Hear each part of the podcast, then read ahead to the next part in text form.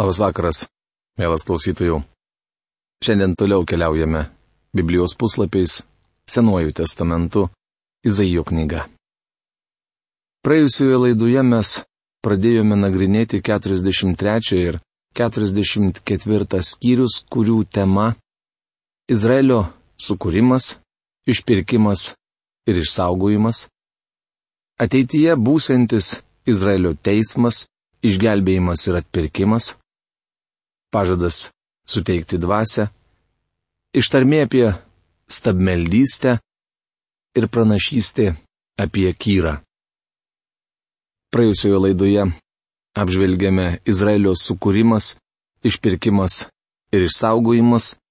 Šiandien laida po maldos pradėsime nagrinėjimų pastraipos ateityje būsantis Izraelio teismas, išgelbėjimas ir atpirkimas. Dangiškasis tėve, mes dėkojame tau už tavo knygą, Bibliją, kurią galime studijuoti, ir už pranašą Izaiją, bei žodžius, kuriuos jisai užrašė vedamas šventosios dvasios. Dėkojame tau už tavo pažinimą, kurį tu mums suteiki, kada mes nusigrėžėme nuo savo nusižengimų ir nuodėmių ir atsigrėžėme į tave gyvai, mums neregima dėl mūsų nuodėmių bet realų Dievą.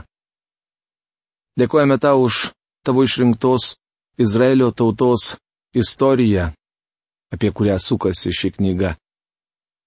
Dėkojame tau už atskleidimą tų pranašyščių, kurias vykdė tavo ištikimi žmonės, pranašai. Ir dėkojame tau, kad skaitydami Bibliją galime šiandien matyti jų įsipildymą. Ačiū tau, kad tu Tokiu būdu tuos, kurie pasitikime tavimi, įtvirtini tikėjime. Mes įsišaknyjame jame. Ir dėkojame tau, kad tie, kurie dar nepažino tiesos kelio, girdėdami tas pranašystės bei jų išsipildymą, gali patikėti, kad tu esi gyvas Dievas. Todėl Dieve, prašome, kad ir šį vakarą prabiltum į kiekvieno širdį padėdamas suprasti užrašytų žodžius. Jėzaus Kristaus vardu. Amen. Ateityje būsantis Izraelio teismas, išgelbėjimas ir atpirkimas.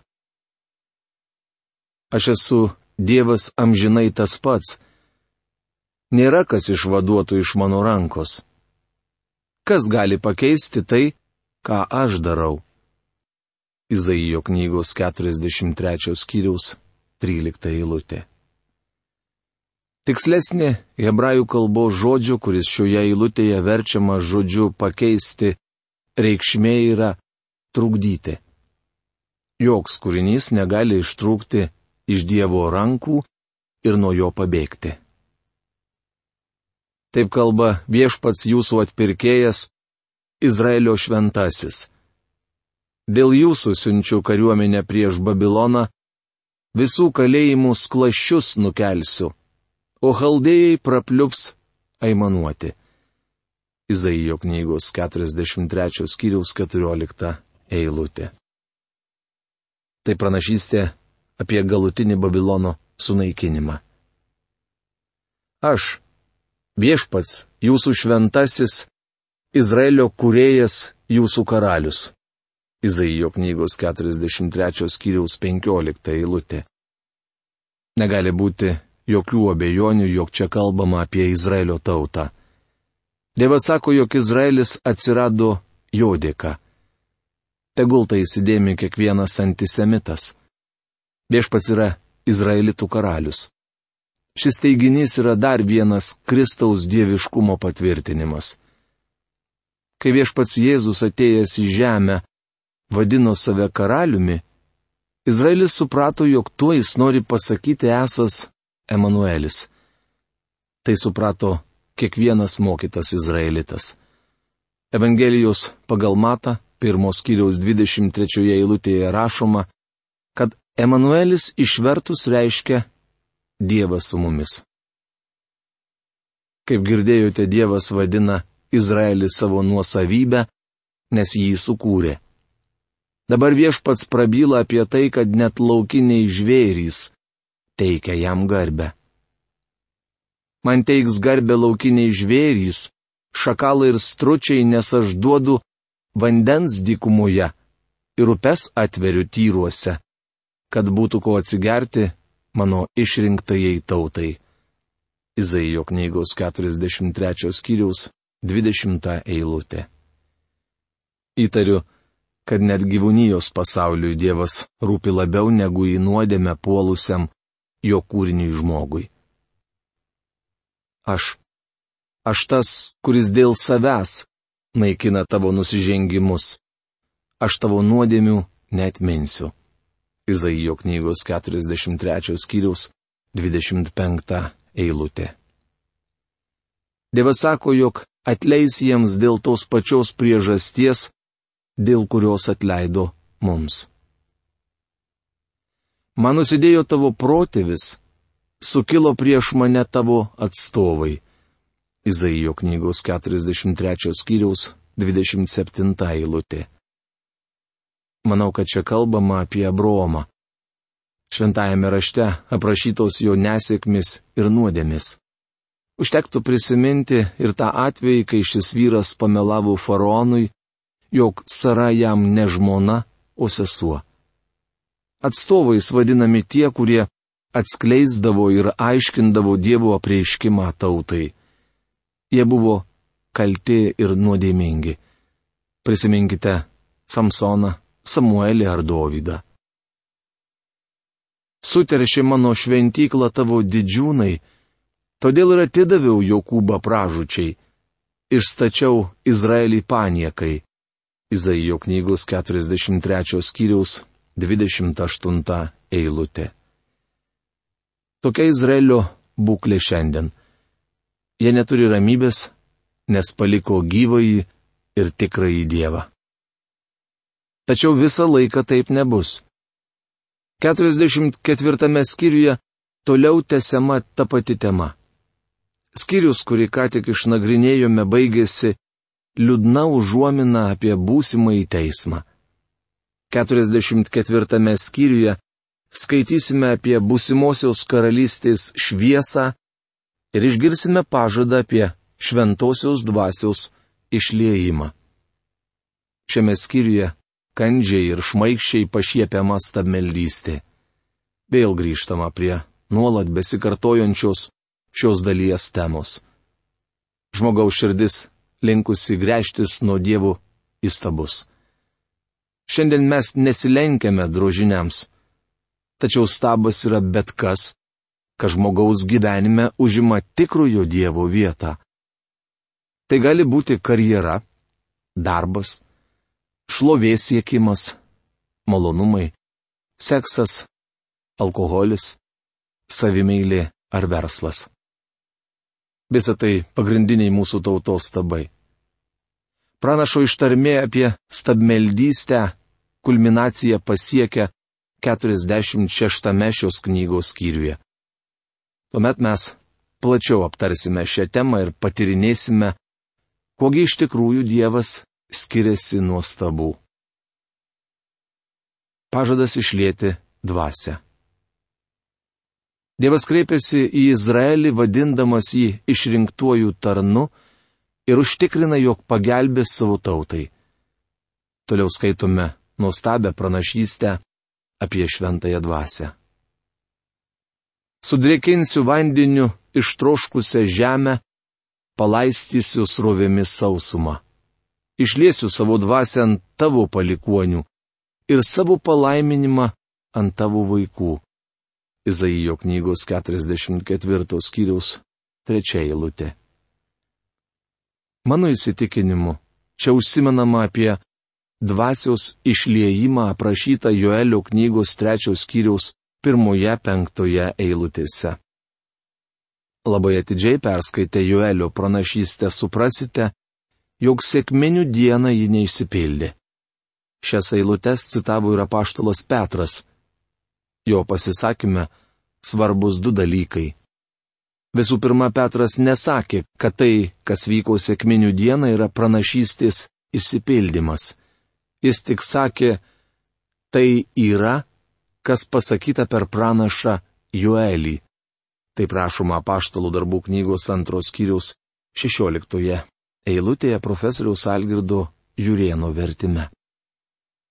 Apaštalų darbų knygos antros skyriaus 11 eilutėje rašoma, kad Jeruzalėje susirinkusi minė šaipėsi iš mokinių, kai jie svetimomis kalbomis skelbi įstabius dievų darbus. Žmonės kaltino juos, kad jie pilni jauno vyno, o ne šventosios dvasios. Žiūrėkite, Napaštalų darbų knygos antros skyriaus 13 eilutę. Taigi iš tikrųjų Petras sako, tai neturėtų jūsų stebinti, nes panašus dalykai vyks paskutinėmis dienomis. Kurią mintis galima teikti, kad ši pranašystė neišsipildė sėkmenių dieną? Štai keli argumentai. Pirmasis pranašo Joelio knygos trečios skyriaus trečioje ketvirtoje eilutėse parašyta. Parodysiu ženklus danguose ir žemėje, kraują, ugnį ir dūmus tulpus. Saulė bus paversta tamsa, o menulis krauju. Viso to per sėkmines nebuvo. Antrasis, iš to, kas užrašyta paštalų darbų knygoje, aišku, jog dvasia nebuvo išlieta ant visų žmonių. Tuo tarpu Joelio knygos trečios skyriaus pirmoje eilutėje rašoma, išliesiu savo dvasę ant visos žmonijos. Apaštalų darbų knygoje skaitome, kad dvasia buvo išlieta ant 120 mokinių, vėliau ant 3000 tikinčiųjų. Tai toli gražu ne visa žmonija. Tikiuosi sutiksite, kad ir šiandien, praėjus dviem tūkstančiams metų, šventoji dvasia neišlieta ant viso pasaulio gyventojų. Anu įvykių metu Jeruzalėje galėjo būti nuo pusės milijono iki milijono žmonių. Net jeigu jūsų vaizduotė ir labai laki, turite pripažinti, jog per sėkmines Joelio pranašystė neišsipildė. Tačiau ji išsipildys ateityje. Štai kodėl aš nuolat kartoju, jog Dievui nuostabiausios dienos dar ateityje. Ištarmė apie stabmeldystę. Nuo 9 iki 20 šios skyriaus eilutės skaitome įspūdingą ištarmę, smerkiančią stabmeldystę. Pranašas kerta žodžiu kaip kalaviju. Stabų dirbėjai įsitikina, kad jų dievai bejausmiai Stabas net neturi jutimo organų, kuriuos turi žmogus. Jis negali girdėti, matyti, užuosti ar jausti. Apaštalas Paulius vadino stabus niekais. Mielas bičiuli, turime pripažinti, kad būtent tokie jie ir yra. Stabai negali niekam padėti. Kas Dievą daro ar lėdina stabą be noro užsidirbti? Izaijo knygos 44 skyriaus 10 eilutė. Pranašas klausia, kodėl eikvojate laiką lėdindami stabą. Turėtumėte gėdytis, viską supainiojote. Jūs nepadarysite Dievo. Dievas jūs padarė. Toliau Izaijas aprašo, kaip daromas stabas. Kalvis daro iš geležies, įpučia anglis, kūjų kalą stabą, Tvirta ranka įdoroja, kol išalksta ir pavarksta. Vandens negeria, todėl visiškai nusilpsta. Izaijo knygos 44 skyriaus 12 eilutė. Kvalifikuotas metalų apdirbėjas sunkiai pluša kaldamas iš kokio nors metalų stabą, tačiau šis darbas jį išvargina. Tai rodo, kad jis tik žmogus. Meistras eikvoja savo jėgas, talentą, laiką ir pinigus stabo gamybai. Bet kokia jam iš to nauda? Jokios. Jis pasidirba mažą niekelį. Žmogaus rankomis padirbtos stabo šaknys miške. O kas sukūrė medį? Dievas. Tik jis gali padaryti miško medį. Dalį kamieno žmogus sunaudoja kūrui, šildosi prie degančių malkų ir jomis pakuria ugnį krosnyje duonai kepti. Žmogus iš rastų įsidrožė net Dievą ir garbina jį, iš medžių pasidaro stabą ir kniūpščias puola prieš jį. Izaijo knygos 44 skyriaus 15 eilutė. Iš drožlių ir nuolaužų likusių nuo dievo gamybos susikūręs ugni žmogus ir pats šildosi, ir duonos gali išsikepti. Tai vienintelė praktiška nauda iš stabo gamybos. Iš tikrųjų naudingos tik drožlės, o pats Dievas niekam tikęs. Jis negali sušildyti, iškepti maisto ar kitaip padėti. Svarbiausia, kad stabas negali išgelbėti. Stabas nepajėgus nieko dėl jūsų padaryti. Dievas nori parodyti Izraeliui, kokia stabmeldystė absurdiška. Bičiuli, dažnai ir mes visas savo jėgas skiriame tam, kas tolina mus nuo Dievo. Tai nepadeda, netaurina, nesuteikia džiaugsmo svarbiausia negali mūsų išgelbėti. Pranašystė apie Kyrą. Aš, tas, kuris tarė Kyrui, tu mano kerdžius, visą ką aš noriu jis įvykdys, jis tars Jeruzaliai, būk atstatyta, o apie šventyklą sakys, te būna dedami pamatai. Izaijo knygos 44 skyriaus 28 eilutė. Iš tikrųjų, ši eilutė priklauso kitam skyriui. Joje skaitome įspūdingą pranašystę apie Kyrą. Šis karalius įvardyjamas dviem amžiais anksčiau negu jis gimė. Dievas sako, kad Kyras yra mano kerdžius arba kaip verčia profesorius Algirdas Jurienas, mano piemuo. Tai vienintelis atvejis, kai toks titulas suteikiamas pagonių valdovui. Plačiau apie tai pakalbėsime skaitydami kitą Izaijo pranašystės skyrių. Izaijo 45 skyrius. Tema - Kyro pašaukimas jam dar negimus, visatos sukūrimas, Izraelio gyvavimo trukmė. Šiame skyriuje tęsime temą pradėtą 44 Izaijo knygos skyriuje. Kaip prisimenate, tik mūsų apžvelgtoje Paskutinėje 44 skyriaus eilutėje pranašas prabilo apie Kyrą. Dabar apie šį vyrą kalbėsime toliau. Iš tikrųjų, anksčiau skaitytos skyriaus paskutinė eilutė turėtų būti priskirta prie šios skyriaus. Tikiuosi žinote, o jei nežinote, priminsiu, kad Biblija į eilutes ir skyrius padalyjo žmonės. Girdėjau pasakojimą apie vieną vienuolį, viduramžiais dalyjusi šventą įraštą į skyrius. Šį svarbų darbą jis darė net ir jodamas asilų per Alpes. Kas kart, kai gyvulys taptelėdavo, vienuolis palinkdavo į priekį. Ranka, kurioje jis laikė rašiklį, atsiremdavo į šventojo rašto puslapį. Taip atsirasdavo žymė nurodanti skyriaus pabaigą. Žinoma, tai tik legenda, tačiau kartais atrodo, kad kai kurios Biblijos vietos suskirstytos būtent taip. Atvirai kalbant, Kartais susidaro įspūdis, kad kai kur pasidarbavo net ne vienuolis, o jo asilas. Pakartosiu paskutinę 44 skyriaus eilutę, nes ji mano nuomonė turėtų būti priskirta prie šios skyriaus. Aš, tas, kuris tarė kyrui, tu mano kerdžius, visą, ką aš noriu, jis įvykdys. Jis tarsi Jeruzaliai būk atstatyta, o apie šventyklą sakys, te būna dedami pamatai. Izaijo knygos 44 skyriaus 28 eilutė. Kyro vardas paminėtas 200 metų anksčiau, negu jis išvydo pasaulį.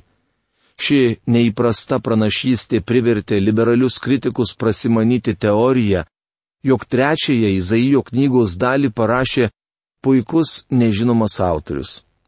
Tikėjimo neturintiems bedieviams Neįmanoma įsivaizduoti, kaip Izaijas galėjo įvardyti žmogų dviem amžiais anksčiau negu šis gimė.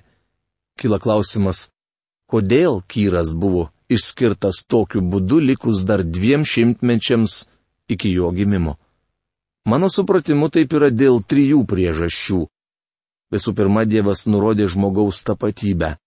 Iškilus Kyrui neliko jokių abejonių, apie ką buvo kalbėjęs Izaijas bet Okyras išleido dekretą, leidžiantį Izraelio tautai grįžti į savo kraštą.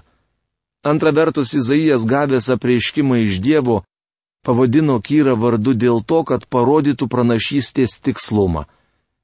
Jei po dviejų šimtų metų išsipildys jo žodžiai apie Kyrą, vadinasi išsipildys ir tai, ką jis kalbėjo apie Emanuelį, tai yra Dievas su mumis, gimsianti iš mergelės.